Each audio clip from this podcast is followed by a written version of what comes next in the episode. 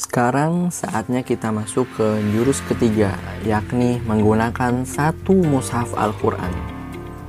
Menggunakan satu mushaf menjadi wajib bagi para penghafal Al-Quran saat ini. Dan juga nggak semua Quran itu sama atau sesuai.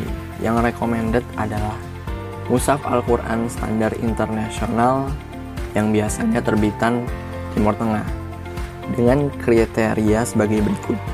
Yang pertama, mushaf pojok. Dalam artian awal dan akhir ayatnya itu tiap halaman selalu sempurna utuh nggak kepotong. Jadi satu halaman tuh pas, nggak ada ayat yang kepotong sama halaman berikutnya. Yang kedua, satu halaman terdiri dari 15 baris. Yang ketiga, setiap juz terdiri dari 10 lembar atau 20 halaman, kecuali juz 1 dan juz 30 dan yang selanjutnya yaitu bagi yang masih muda dan memiliki penglihatan yang baik dan jelas sebaiknya menggunakan mushaf Al-Quran yang ukuran biasa yakni ukuran A5 ataupun A6 tapi kalau udah matanya agak kurang bisa pakai A4 juga nggak apa-apa.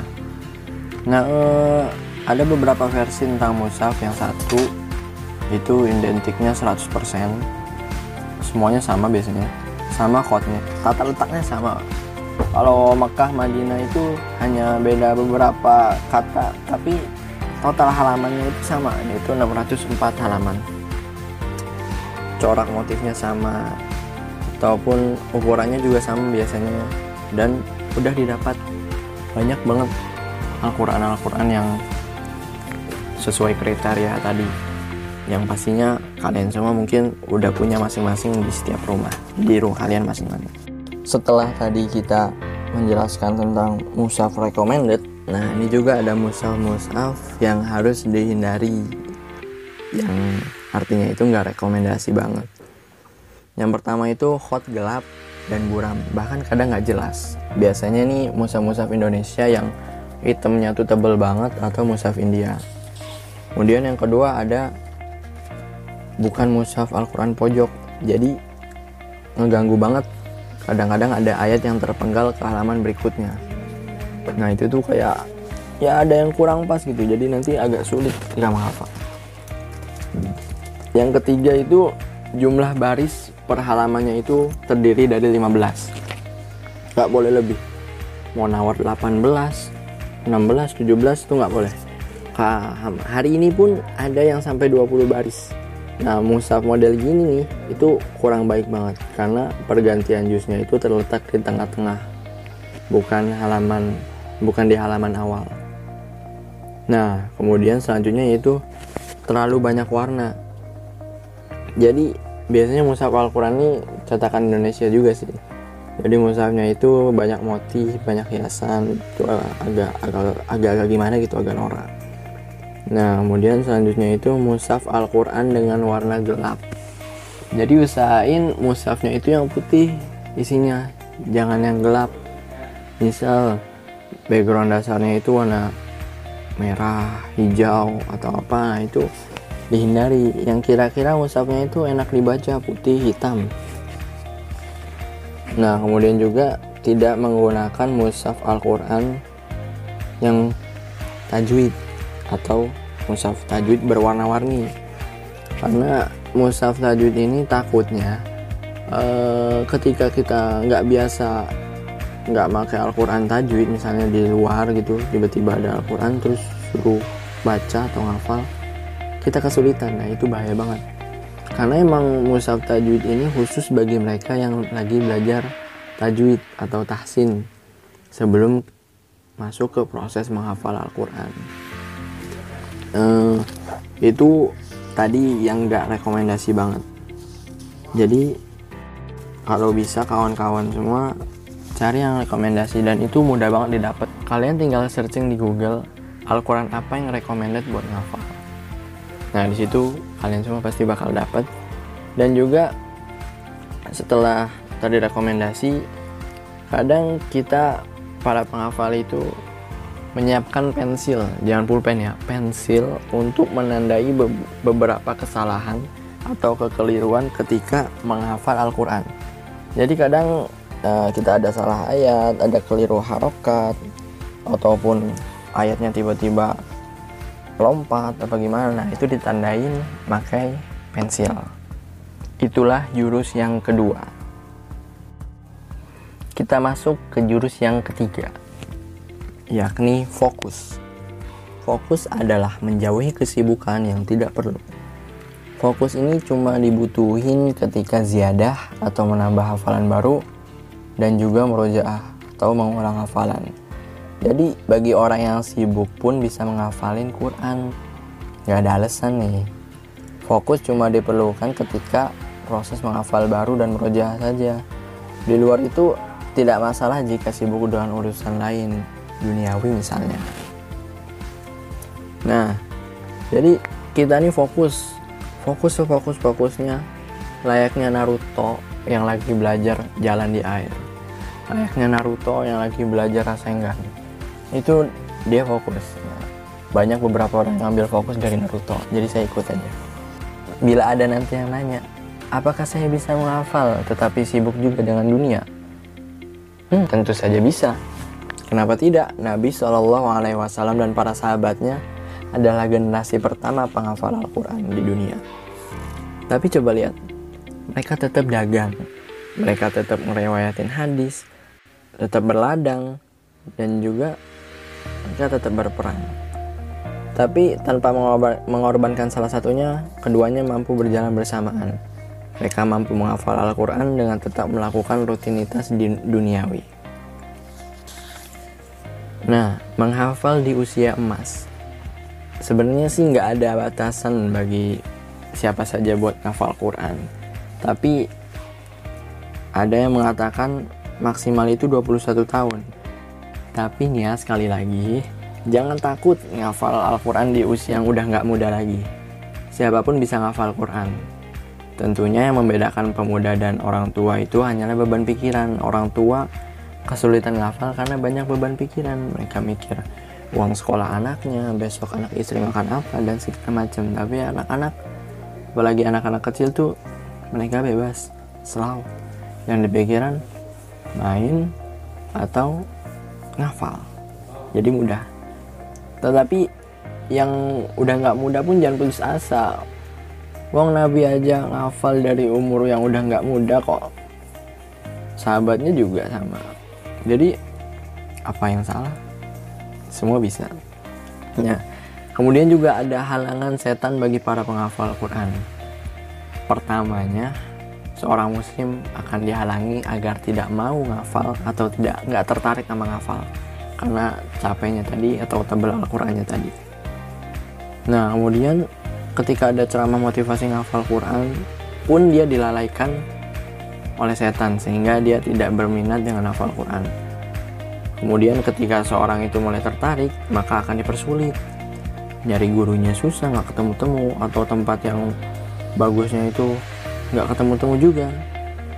Nah, misalnya kalau udah ketemu atau udah semuanya, dia akan dibuat ragu oleh setan. Hafal lanjut nggak ya?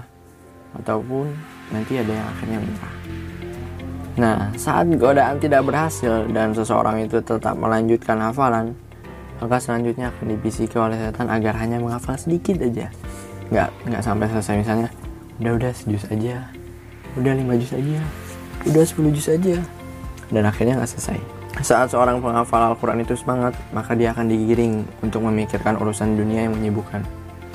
Aduh tugas gimana ya? Belum atau segala macam. Nah ini ujian yang akan diuji bagi para penghafal Al-Quran. Setelah itu dia akan diuji dengan lingkungan yang buruk atau ada teman yang jahat. Ketika gagal dia akan dijerat kemaksiatan terutama maksiat mata bagi para lelaki.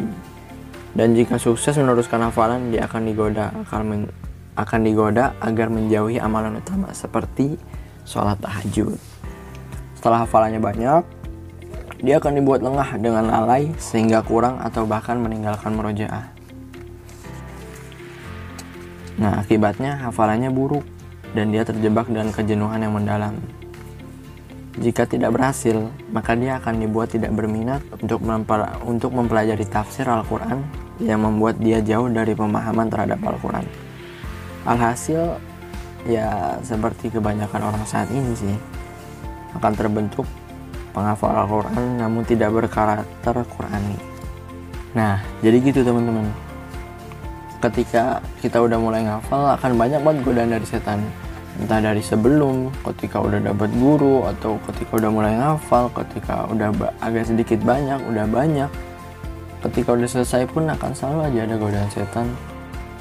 Fokusnya lagi agar kita bisa fokus yaitu jauhkan gadget.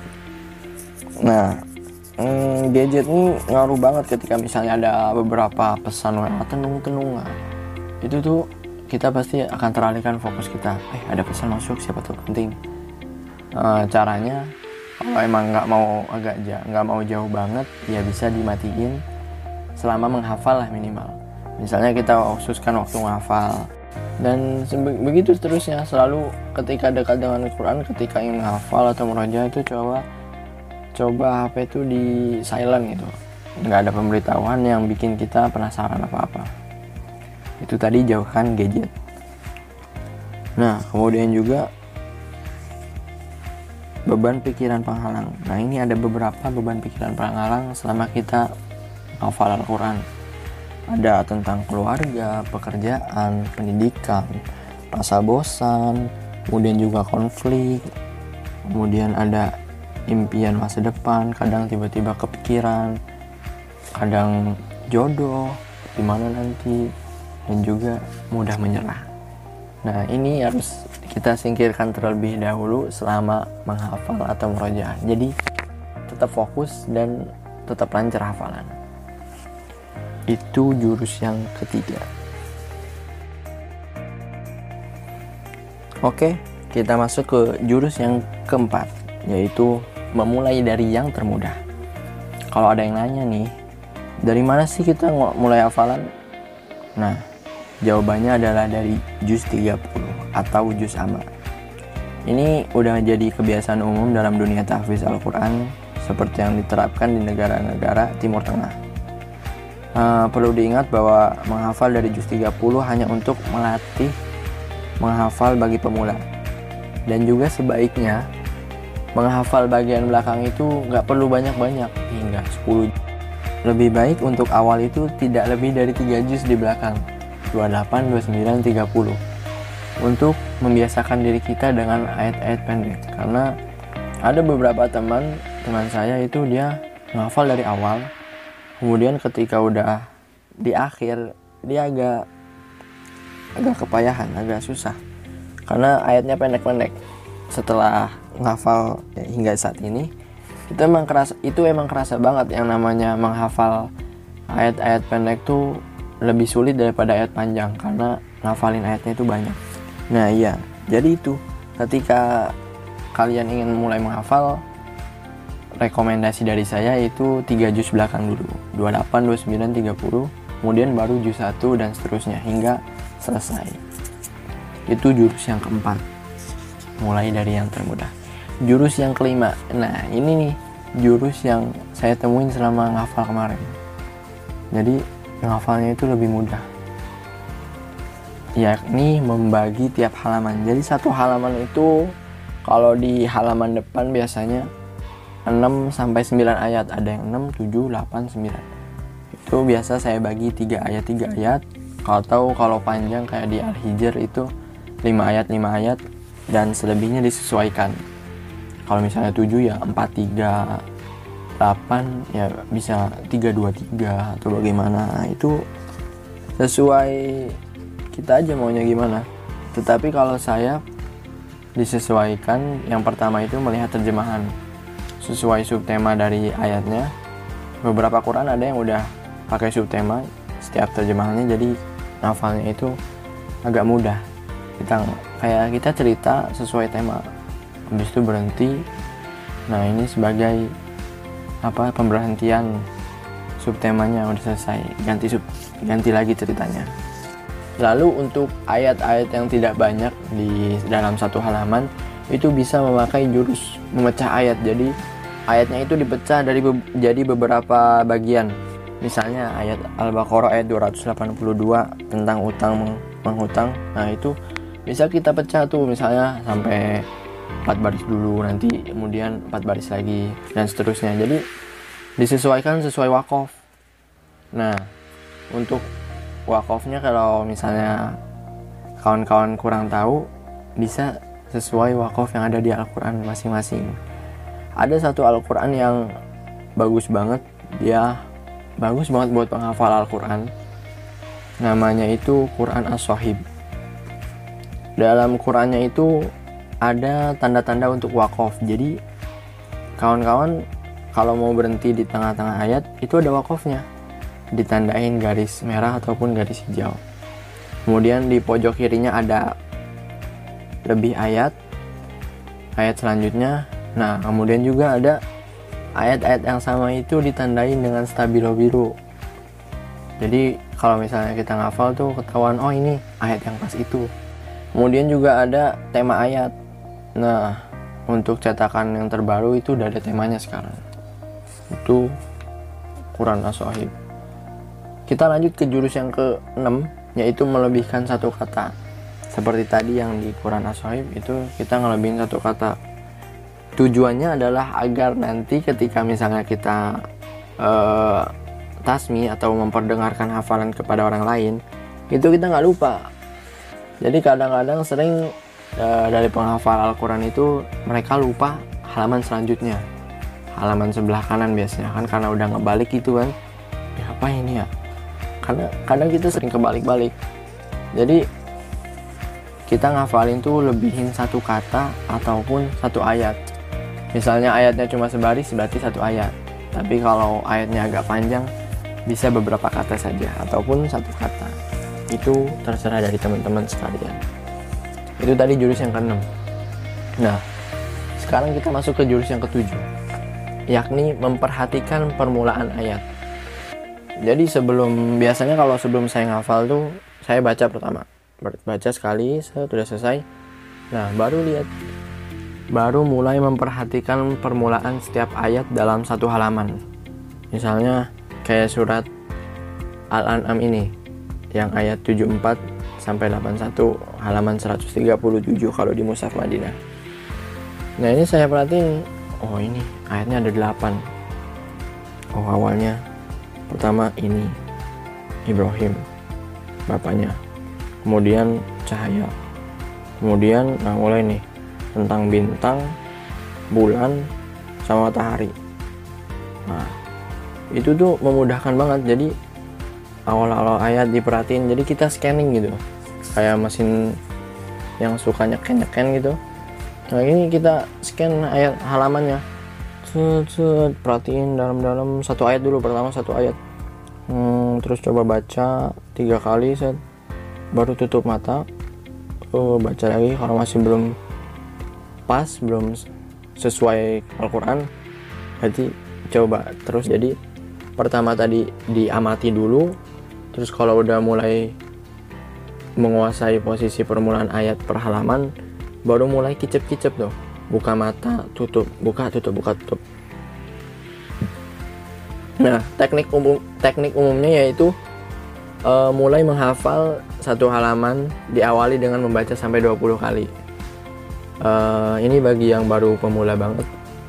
Boleh 20 kali tapi dengan syarat jangan buru-buru niatnya itu bukan buat cepet-cepet selesai tapi untuk mengamati secara perlahan setiap ayat yang ada dalam satu halaman. Nah baru setelah itu gunakan jurus yang digunakan sebelumnya. Ketika mulai ngafal per ayat perbanyak lihat. Binazor gitu kan diliatin. Dihayati tulisannya terus lihat lagi terjemahannya. Recommendednya sih pakai Al-Quran terjemah gitu Nah, habis itu udah mulai tuh kicep-kicep mata, dibuka, tutup, buka, tutup, ulangi sampai hafal. Dan kalau udah merasa lancar dan jauhin musafnya, terus mulailah ditasmiin.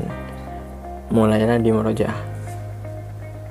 Nah, kalau udah ngerasa lancar, musafnya tutup, udah mulai baca satu halaman. Kalau udah dipastiin udah benar-benar sesuai hafal Al-Quran, baru minta teman buat nyimak. Nah itu jurus yang ke 7 nah kita lanjut ke jurus yang ke 8 yakni menghafal dengan frekuensi yang baik. Dalam menghafal hafalan baru tidak cukup hanya dihafalkan dengan sekali baca atau pengulangan tapi semakin banyak semakin baik dan lancar serta cepat hafal dan tidak mudah lupa. Misalnya mengulang 20 kali atau sampai lancar jadi uh, setelah kita ngafal misalnya satu halaman nih udah sholat subuh udah hafal. Sebelum berangkat sekolah di jalan diulang lagi waktu pagi. Kemudian misalnya setelah duha diulang lagi. Setelah sholat zuhur diulang lagi. Setelah asar diulang lagi. Baca lagi yang tadi.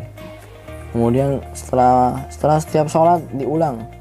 Kemudian sebelum tidur diulang ketika qiyamul lail atau tahajud dibaca dan dimantapkan ketika subuh lalu disimakan kepada teman ataupun kepada guru. Nah, nanti kalau misalnya kawan-kawan macet ketika ziyadah atau nambah hafalan baru, jangan langsung lihat mushaf. Tapi usahakan diinget-inget dulu. Ulangi dari awal. Jadi biasanya kalau misalnya saya udah lupa tuh bingung nih kan apa lanjutannya nah itu saya ulang lagi apa ayat yang tadi. Kalau misalnya lagi disimakin sama temen coba tanyain temennya tadi dua ayat sebelumnya apa? Nah gitu. Itu kalau misalnya udah mentok gak bisa benar-benar nggak bisa udah nyerah baru tanya atau baru lihat mushaf oh itu yang salah. Habis itu ditandain pakai pensil. Diulang lagi hingga nanti salahnya itu nol jadi bener-bener nol. Kayak misal Al-Fatihah. Kalau mau selancar Al-Fatihah banyakin baca. Al-Fatihah sehari 17 itu wajibnya. Belum sunahnya berapa tahun itu kita dari semenjak balik? Ada 124 ribu kali mungkin dalam setahun kalau sering baca. Nah itu jurus yang ke-8 Nah, mari kita lanjutkan ke jurus yang ke-9, yakni memahami ayat. Pemahaman terhadap makna ayat adalah salah satu jalan agar mampu menghafal dengan mudah dan sulit lupa.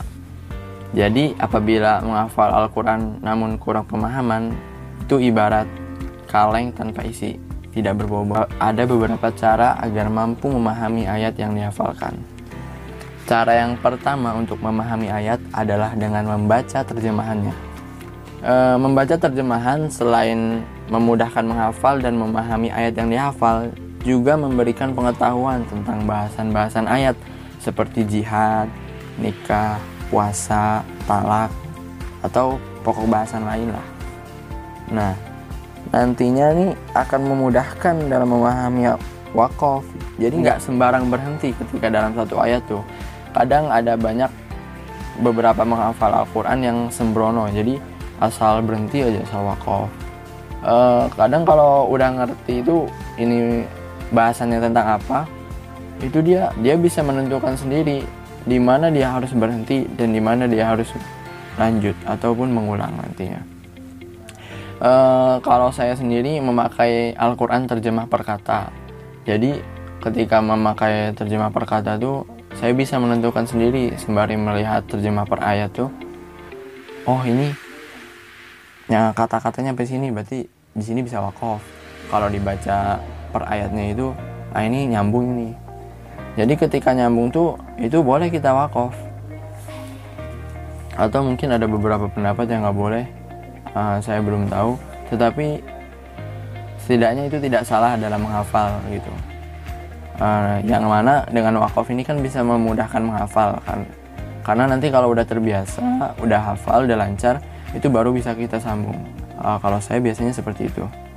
Selain dapat memudahkan hafalan membaca terjemahan ayat juga bisa menambah perbendaharaan kosakata dalam bahasa Arab tanpa disadari. Uh, saya sendiri ketika awal-awal mungkin agak sulit ya karena masih baru menghafal tetapi setelah masuk jus 2 ke sananya itu ih kok banyak kosakata yang sama? Nah e, ketika kita baca terjemahan ini memudahkan kita untuk menghafal. Jadi waktu untuk menghafal tuh nggak terlalu panjang lagi. Karena udah tahu ini kosakatanya jadi lancar aja. Gampang. Nggak harus sampai sejam lagi.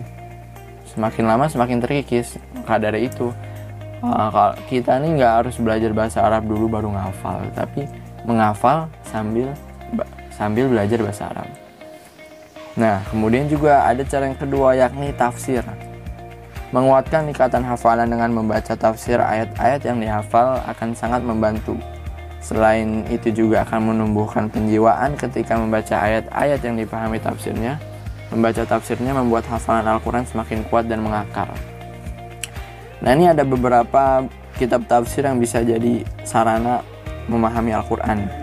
Di antaranya ada tafsir As-Sa'di karya Syekh Nasir As-Sa'di, kemudian ada tafsir Ahkam karya Imam As-Sabuni, tafsir Al-Qurtubi karya Imam Al-Qurtubi, dan juga ada tafsir Ibnu Kasir dan yang pastinya karya Imam Ibnu Kasir dan juga ada kitab-kitab tafsir lainnya. Nah, dengan di sini itu kita ngafal sambil baca tafsirnya. Hanya membaca ya dengan sedikit bayangan. Nah, dilengkapkan dengan cara yang ketiga yakni tadabur.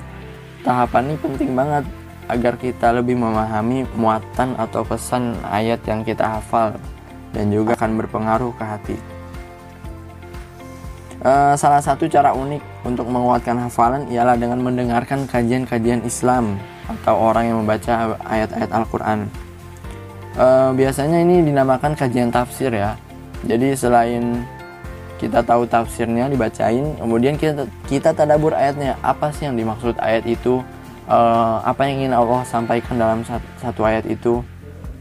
Eh, kita lihat dari asbabun nuzulnya kemudian siapa saja yang terlibat ketika itu sedang apa. Nah dari sini kita tahu kalau itu tuh bakal menguatkan hafalan.